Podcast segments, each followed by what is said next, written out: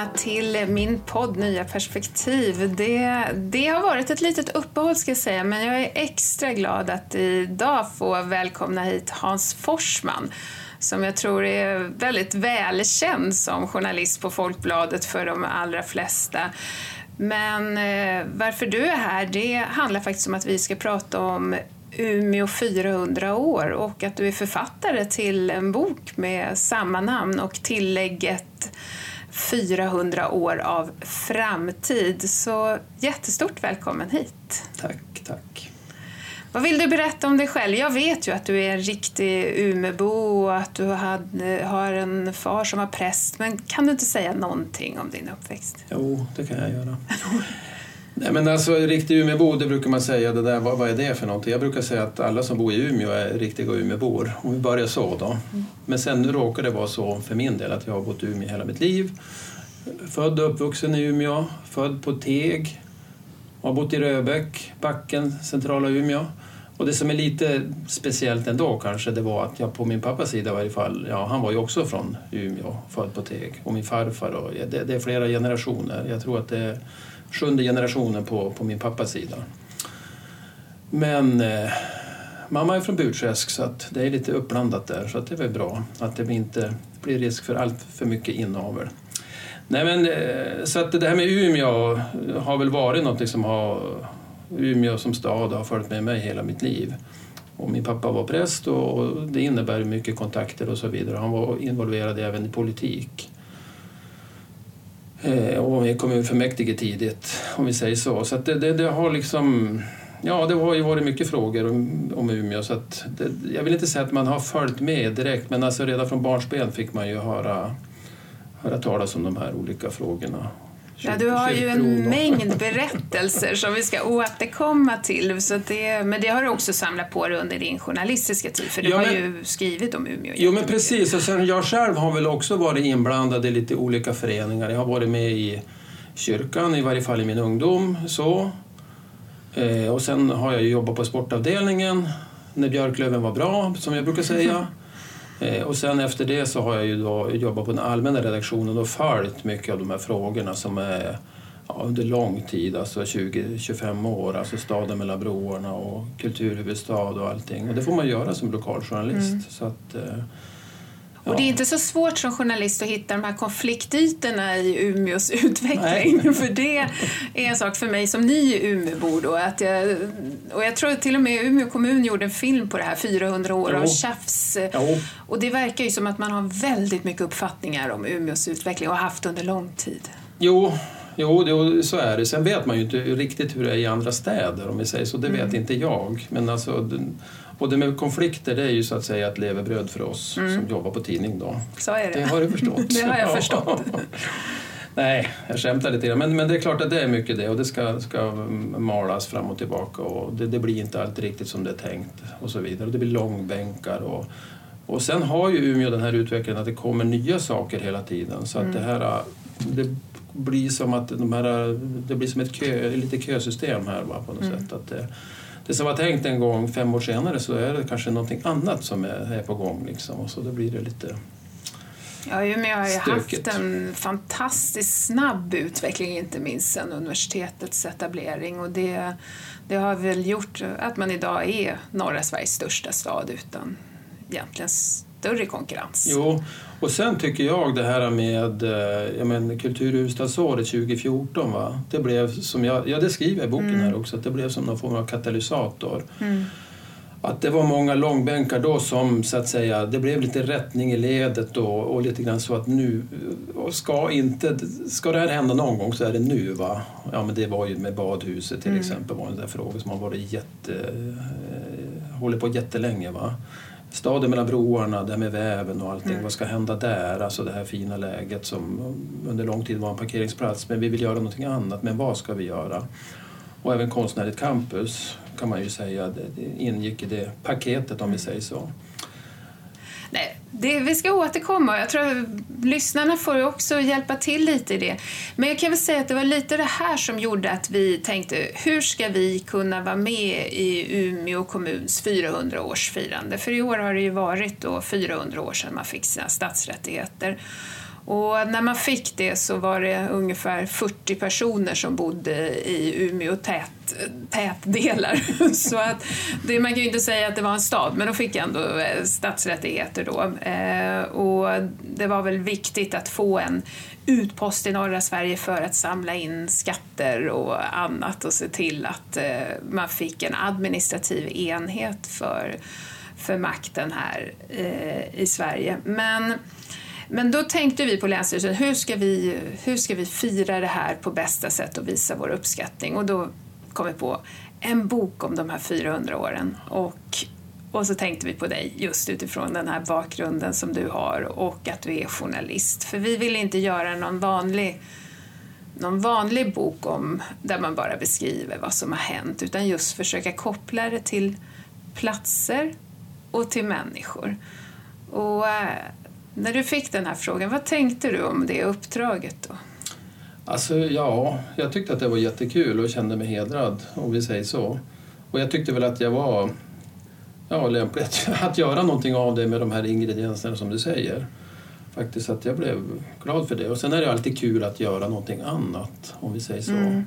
Och det kändes som att det här var ett uppdrag som passade mig. Tycker jag nu, utan att för, förhäva mig själv. Men, men jag, blev, jag blev glad. Där visar du att du var en riktig västerbottning när du inte får förhäva dig själv. Nej, exakt, Nej, men det har jag lite grann upptäckt i det här också, i det här arbetet om man säger så. Att det, är liksom att det, det, det ska vara lite i, i sitt anletes svett, ja. om vi säger så. Och får man en fråga så tackar man ja. ja. ja vi är väldigt glada att du tackade ja. Och eh, kan jag säga att det är du hade väldigt många berättelser just redan från början och även idéer om platser som du tyckte fångade de här berättelserna. Är det sånt du har samlat på dig under åren? Eller? Ja, det tycker man väl att, att man är. Och sen då försöker man då, det blir ju som ett nytt perspektiv lite grann, så jag tycker att det gav mig en hel del så också. Alltså vi jobbar med ganska snabba nyheter mm. om vi mm. säger så. Och, och då, det här skulle kanske inte platsa i en tidning men det är ju det anslaget mm. om man säger så. Sen har vi ju haft eh, möten fram och tillbaka och, och eh, hur ska man ta sig an det här om vi säger så. Det, det, var ju lite, ja, lite diffust i början och ett tag från början hade vi just det här att det kanske skulle utgå från Storgatan, alltså ja, Stora gatan, jag vet inte om du kommer ihåg det. Mm. Att det var liksom det som skulle vara den gemensamma länken då. Och det som, ja, den har alltid legat där den ligger nu. Mm. Och bara det tycker jag är lite, lite kul faktiskt. Den har legat där i 400 år. Mm. Och tänkte att det som, som la gatan där, det var liksom det var bra gjort ja. på något sätt. Va? Eh, och där finns det ju mycket grejer så att det var ju lite, lite funderingar där omkring. Men, men sen då bollar vi ju det här fram och tillbaka. Det är inte bara jag som har varit inblandad i det här utan vi har ju haft möten fram och mm. tillbaka. Och, och då, då bestämde vi oss för att vidga det här perspektivet lite grann. Just det här med att i universitetet till exempel, mm. det är mm. svårt att... Det ligger inte riktigt vid Storgatan. Nej, även om konstnärlig campus är ganska mm. nära så. Va? Så då vidgar vi det här lite grann så att då, då blev det lite andra ingredienser i det här.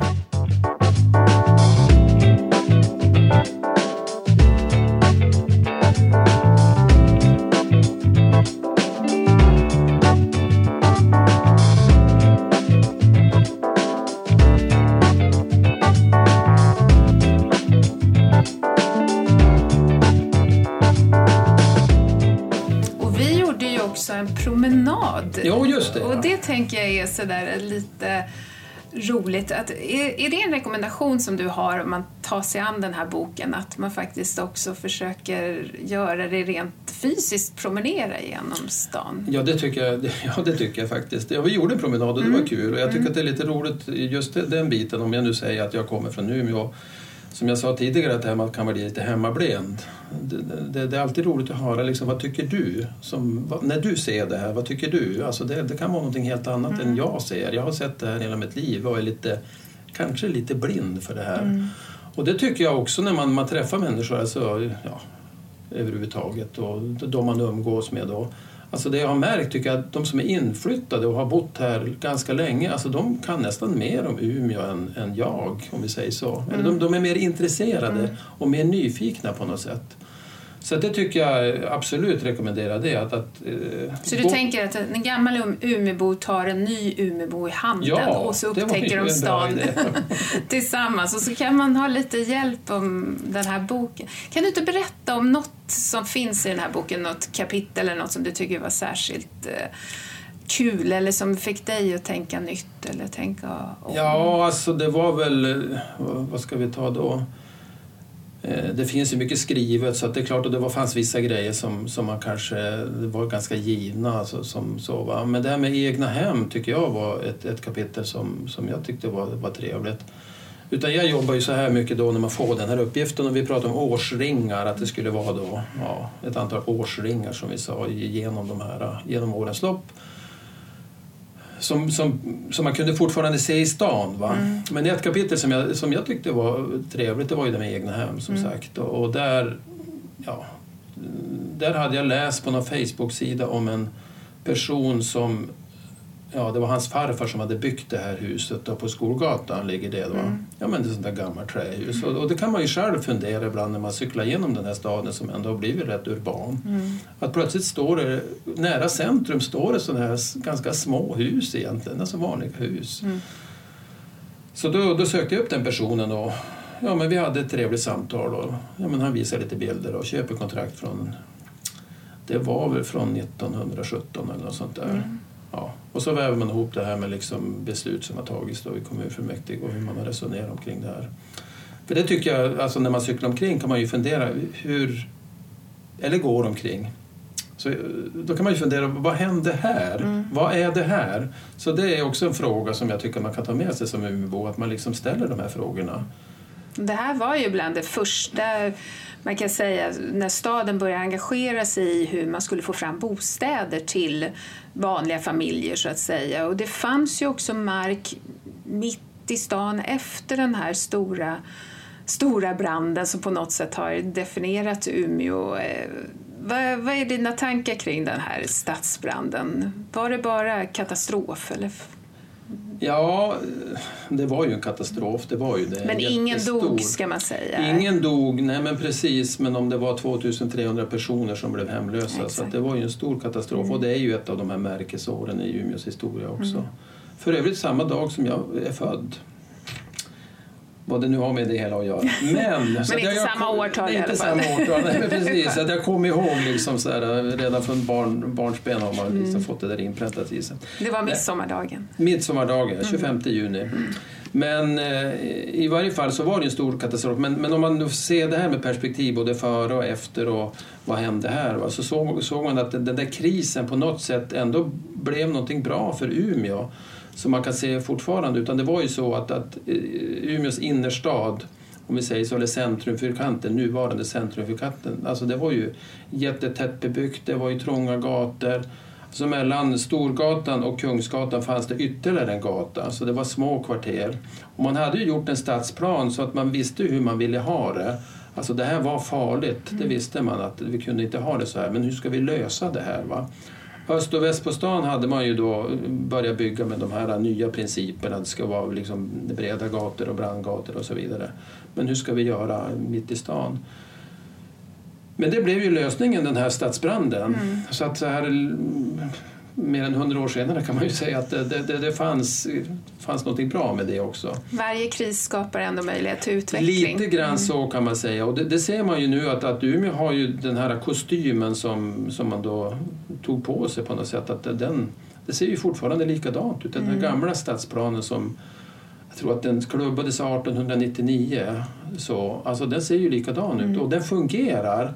En annan liten detalj var ju att, att, att det var tänkt så att utanför de här eh, gårdarna då, öst på stan och även väst på stan så skulle man ha som rabatter som skulle vara två meter utanför va?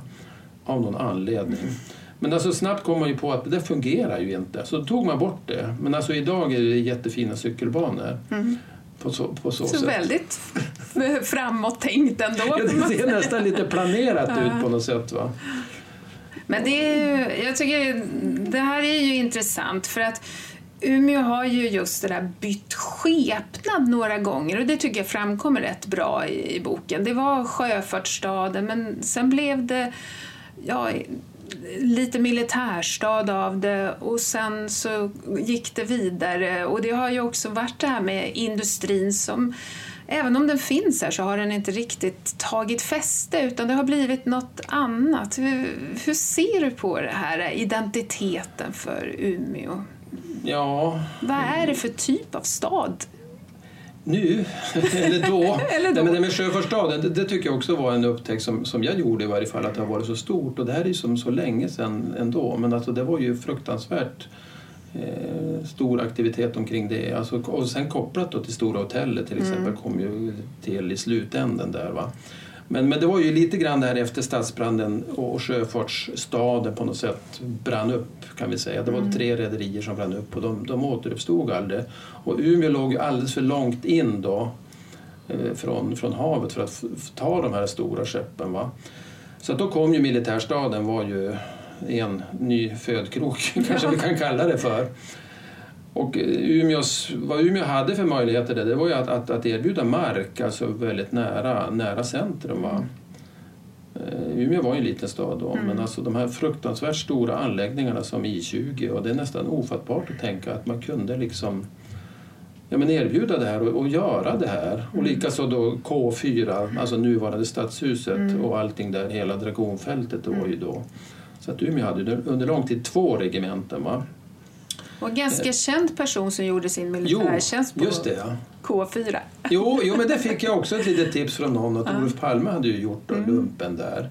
Och det var ju lite kul tycker jag. Så att jag har försökt ta fram lite så här kuriosa mm. omkring det. Och det fanns ju också litteratur om det, att han var visst ingen duktig, duktig militär om vi säger så. Va? Det kanske var bra att han valde en annan karriär. Det kanske var bra att han gjorde, tog en annan, tog en annan väg. Han var visst duktig, väldigt duktig i det teoretiska men vad det gäller i fält och så vidare var han inte riktigt lika framstående. Mm. Men han har ridit då över Gamla bron till exempel mm. och vidare ut mot Stöcksjö. Där hade de ju någon övningsplats. Så att... Eh, men ja. som sagt, så det blev en militärstad och sen så fanns det ju industri ändå. Jag menar, vi, det fanns ju industri under den här tiden och som sagt det kom till egna hem och bostäder för arbetarna. Vi var ju också och tittade på en av de där tidiga arbetarbostäderna som kom till. Ja, just det, Öst på stan. Mm. Ja. Jo, Öst på stan blev ju som ett, ett, ett, det är ju en, ett ämne i det här, mm. att man ser spår av det här, det, det första industri industrin på, eh, i Umeå. Va? Och, och, och, det var ju så att säga, då la man ju det lite utanför stan och på den tiden var Öst på stan utanför stan. Nu är ju det liksom en, en, en del i centrum kan man mm. nästan säga. Va? Så att där finns ju till exempel Hotell Pilen, där, där bodde ju sliparmästaren. Mm. Nu har ju de slutat vara hotell, men, men ändå, jag tror att folk vet var det är. Det är väl på Pilgatan. Och så mitt över där var det då arbetarbostäder. Det är någon kyrka där nu tror jag, mm. till exempel. Så jag, jag, tycker att det var jätte... Och det visste då inte jag i varje fall, men alltså...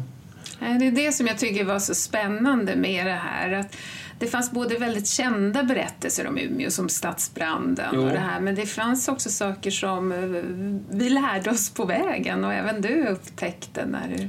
Jo, och så finns det ju den här ja, men Hilding Carlssons mekaniska verkstad, den mm. ligger också på Pilgatan och då har jag alltid funderat, vad är det där för hus? Mm. Ungefär så, det som sticker ut, ett mm. stenhus där.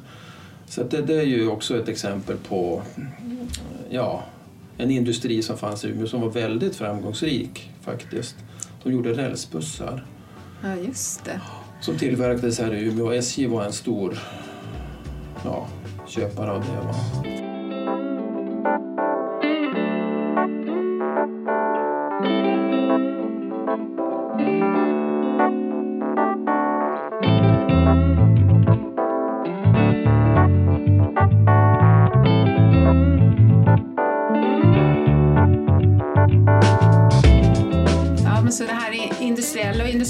Industrikunnandet har alltid funnits men ändå är inte Umeå en utpräglad industristad så som många andra norrländska städer är. Utan det här tog en annan vändning kan man väl ja, säga. Du tänker på det här med lärdomsstaden? Ja, exakt. Ja, hur det gick till det vet jag inte. Men alltså det första nu som, och jag tänker på det, just det här med att, att liksom ha skolor och så vidare. Men, men, men, en viktig del i det här, som jag tänker i varje fall, det var ju det här äh, folkskollärarseminariet som då kom till Umeå någon gång på 1870-talet. Och den nuvarande hovrätten, va? det var ju mm. också sådär, ja men vi kan erbjuda ett, ett, en bra tomt här. Ni får bygga här. Va? Och det var ju för kvinnor som utbildade sig till folkskollärare då. Så. Och så just det, det fanns ju en utbildning i Härnösand men att man ville väl separera det här på något sätt. Det var farligt att de var ens i samma stad tydligen. så då fick, och det var ju väl den första egentliga utbildningen i Umeå på något sätt, eh, tänker jag. Mm. Men det där var jätteviktigt. Alltså sen om du ser i perspektiv här, vad, vad, vad ska vi bli av oss efter branden här liksom? Vad ska vi bli vår identitet? Mm. Och, och, då tänker jag att de, Umeå på något sätt hittade en annan väg jämfört med de, de här andra städerna, då, om vi nu pratar om Skellefteå, Luleå, Evik, kanske mm. Sundsvall, ja, som kanske lyckades bättre på, på det här med, med, med, eh, ja, med skogsindustrin mm. och så vidare. Sen vem som bestämde det här och hur det gick till, det, det vet inte jag. Men, men, men någonstans, där... Man jobbade ju väldigt hårt för att få till sig så småningom ett universitet. Man, eh, från kommunpolitiken, den här lokaliseringspolitiken som man brukar säga. Men, men jag tänker ändå att i slutändan när vi tittar nu så, så även om man har framstående industri i Umeå så är det ju ändå universitetet som satte fart ordentligt. Tillsammans med sjukhuset kanske vi ska säga. Jo, och där tycker jag, det ser man ju här också, hur de här bitarna faller på plats. Men, men på något konstigt sätt så, så faller bitarna på plats i Umeå. Mm. Och jag kan ju bara Umeå om vi säger så, jag vet inte hur det är på andra, andra ställen. Men just vad det gäller sjukhuset så var det ju liksom ett litet sjukhus vi ska bygga ett nytt sjukhus, var ska vi bygga det? Det fanns lite olika, ja men på Teg eller ja men öst på stan eller... Men då blev det ju där uppe på Ålidbacken, alltså en liten bit bort från stan och där står det ju som fortfarande. Mm. Även om det gamla, gamla sjukhuset är rivet. Och sen just det här med universitetet, var ska vi bygga det? Ja men vi har mark här i närheten. Och det kändes liksom att nu är ju det här integrerat på något sätt. Och jag undrar just om man förstod då vem var det som planerade det här på något sätt? Men, men, men det har fall, bit, bitarna har fallit på plats för det är ju väldigt ja, tajt mellan mm. då. Så det var ju jättelyckat. Att man kan gå mellan de här ja. jättestora och viktiga enheterna. Och sen alla bostäder som skulle byggas för den här superväxande staden som det blev med både universitetssjukhuset och universitetet. Jo, och där kan man tänka sig den kommunsammanslagningen 65, alltså det var ju samma år då som eh, universitetet ja, invigdes mm. kan man säga. Det, det, det, var ju klart redan innan att det skulle bli ett universitet. Att man då samtidigt fick de här ja, men slogs ihop då med Umelands och Teg och mm. blev den här lite större. Alltså det, det innebar ju också att, att man fick tillgång till Ja, till människor. Kunde, ja, till människor. ja, exakt. Jo, men att, att, man kunde vidga vyerna, mm. att man kunde bygga liksom på andra ställen och så mm. vidare. Annars höll ju Umeå stad, om vi säger så, det höll ju som bli, var ganska fullt då. Mm. Ålidhem, det, det, det, är ju också ett kapitel i den här boken. Ålidhem mm. var ju som den sista utposten, mm. kan man kalla det för. Det var ju tänkt att det skulle bli villabebyggelse där. Här, men det gick inte för det, Nej, det du behövde de. få fram så många bostäder. Ja men precis, men då var det så att bortanför Ålidhem, där slutade Umeå. Mm. Alltså bortanför, det var Umelands alltså. Mm. Så att det, det, var liksom den sista, en av de sista bitarna som Umeå hade att tillgå. Mm. Och det Ja, och det var ju en del i det här bokskrivandet var just att koppla de här olika utvecklingsberättelserna både som jag sa till människor men också till faktiska platser som man kan åka och se och besöka och tänka in det i det här som du säger att bitarna föll på plats. Och vi har redan pratat om, eh, för det slutar ju någonstans där med kulturhuvudstadsåret och hela det här nästa steg som du tycker var lite förlösande för, för Umeå. Men eh, om du ska ge dig på att skåda in i framtiden, vad, vad tror du väntar Umeå? Eller vad är det viktigt att, eh, för att fortsätta den här framgångsresan som man ändå får säga att det blev? Ja, det är jättesvårt att säga. Jag tror att Umeå kommer att fortsätta växa. Det tror jag faktiskt. Mm. Och det är tack vare universitetet. Men, men universitetet känns det i varje fall att ja, men de har ju satsat ganska mycket på kvantitet om man säger så. Att det finns ju som ett tak där också.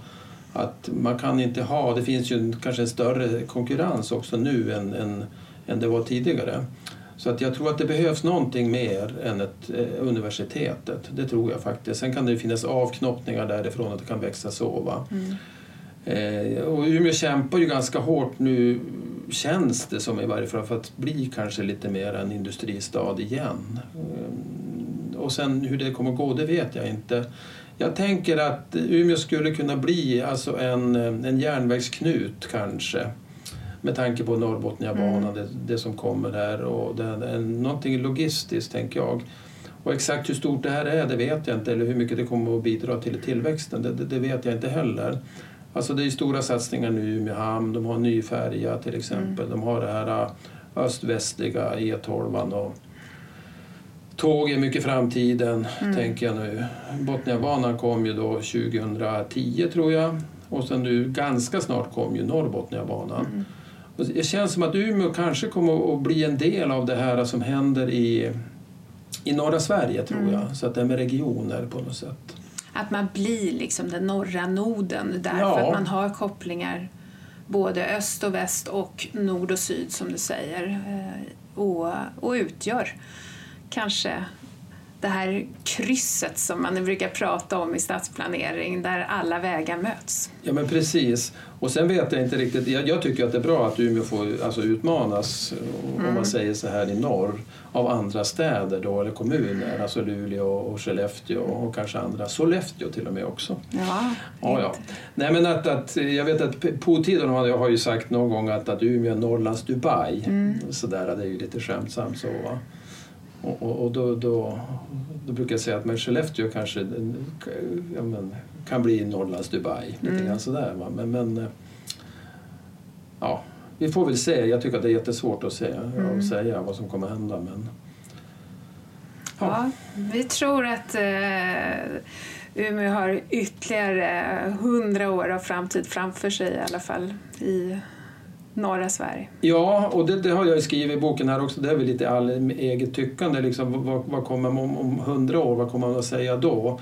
Och jag tror ju att de här, om vi pratar om byggnader, mm. som jag är intresserad av och som du också är intresserad av, det vet jag. Det är det som är, blir bestående på något sätt mm. och de står ju väldigt länge. Mm. Och, och, och det här byggnaderna som kom efter stadsbranden, de står ju fortfarande kvar och har stor betydelse i Umeå stadsbild. Och jag tror ju att de här byggnaderna som gjordes då, ja, 2014, mm. det, det, kommer att om hundra år kommer de att eh, prata som dem. Mm. Alltså konstnärligt campus, väven och, och kanske inte badhuset men... Nej men alla hotellen som tillkommer. Alla hotellen också, mm. jo. Jo, men precis. De har ju blivit som kyrktorn i stadsbilden kan man säga. Ja, alla hotellen, eller åtminstone en del av hotellen kanske vi kan säga. ja, men vad härligt. Jag brukar alltid, jag ska säga det att eh, vi kommer att trycka upp den här boken i begränsat exemplar i lite nytryck och som faktiskt också kommer finnas till försäljning och då kommer allt överskottet gå till UNHCR, alltså FNs flyktingorgan eh, inför jul här. Så det är väl ett litet tips för er som har blivit nyfikna på att läsa den här boken. Men eh, innan vi slutar, jag brukar alltid ställa frågan vad, vad är det bästa med Västerbotten eller Umeå? Och jag tänker att för att du inte ska drabbas av den här hemmablindheten här så kanske, om du inte säger något om Umeå, vad är det bästa med Västerbottens län? Alltså, det är nästan lite svårt att säga det. Jag blir nästan lite rörd när jag får den här frågan och då tänkte jag att jag ska veta exakt vad jag ska säga. Men om, om Umeå. Mm. Men Västerbotten blir lite svårare. Men det är ju ändå det, det, är ett ganska klyschigt svar, men naturen är det. Mm. Och att det är nära till naturen. Mm. Och det är det i Umeå också. Ja, det är det. Jo. Och sen människorna ändå på något sätt. Jag, jag, tycker det ändå. Alltså nu är jag ju som inväxt i det här men, men, men ja. Jag förmodar att om, om man nu skulle ställa samma fråga i, i Jämtland eller Värmland skulle man säga ungefär samma sak. Va? Så att det kanske skulle vara roligare att hitta något som sticker ut. Men, men naturen är väl ändå väldigt speciell i, i Västerbotten tycker jag. Mm. Ja, och det är människorna också. Så stort tack för att du ville vara med på det här samtalet. Tack själv.